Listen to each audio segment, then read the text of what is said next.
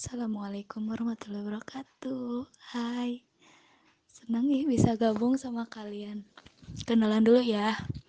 Nama aku Upi Julaiha, alumni EGAR 2016. Sekarang Upi kuliah di UPI, Universitas Pendidikan Indonesia, Bumi Siliwangi, Bandung 2018. Sebelumnya mau cerita dulu nih, ke mana aja sih selama 2 tahun ini kok bisa gitu baru kuliah 2018 uh, eh, dan bisa keterima di UPI UPI kuliah di UPI lucu juga ya. Singkat cerita aja. Jadi tuh UPI pernah ngalamin gagal masuk PTN di tahun pertama. SNMPTN dan SBMPTN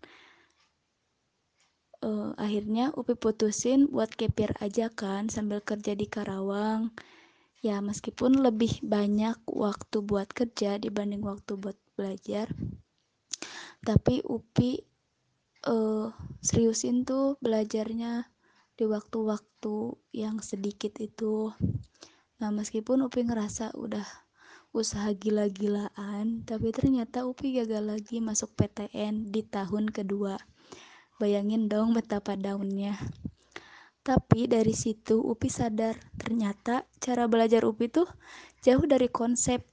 Ibarat tuh kita mau perang, tapi kita nggak tahu medan perang tuh seperti apa.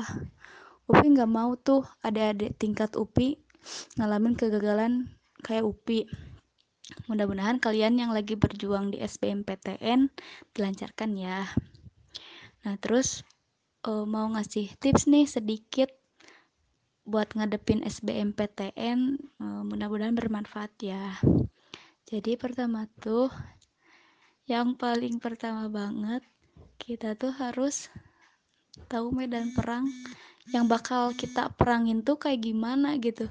Jangan sampailah ada cerita yang sama kayak Upi gini udah fatal banget ini mah. Terus yang kedua coba deh kita renungin Cukup gak sih kita ngadepin SBMPTN hanya dengan sering-sering belajar? Upi rasa gak cukup deh. Kita belajar harus diseimbangin dengan latihan juga. Ya kayak try out, try out.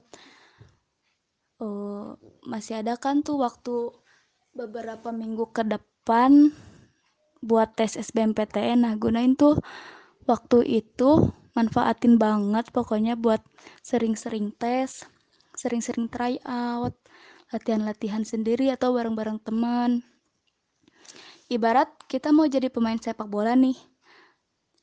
Kita udah paham betul teori dunia sepak bola itu seperti apa. Tapi kita belum pernah praktek langsung di lapangan. Sayang banget gak sih? Pengetahuan kita udah mantap tuh. Tapi gak pernah diuji. Ya mudah-mudahan uh, kita nggak sampai seperti itulah ya.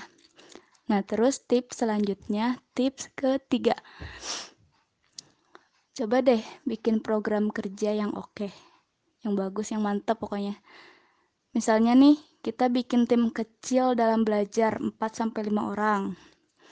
Nah, salah satu dari tim tersebut, salah satu dari tim tersebut tuh sharing pengetahuan, metode metode pembelajaran, terus konsep belajar atau info atau bahkan tips buat ngadepin SBMPTN, sharing tuh. Jadi semakin tahu kan, jangan sampai eh jangan jangan kita jangan sampai takut kita bisa kalah saing nih sama teman kita. Justru dengan cara ini tuh kita bakal semakin mengingat, semakin tahu, semakin paham pokoknya uh, medan yang bakal kita perangin itu kayak gimana? SBM yang bakal kita hadapin tuh kayak gimana? Pokoknya insya Allah dengan cara ini tuh kita semakin mantep gitu buat ng ngadepin SBMPTN tuh.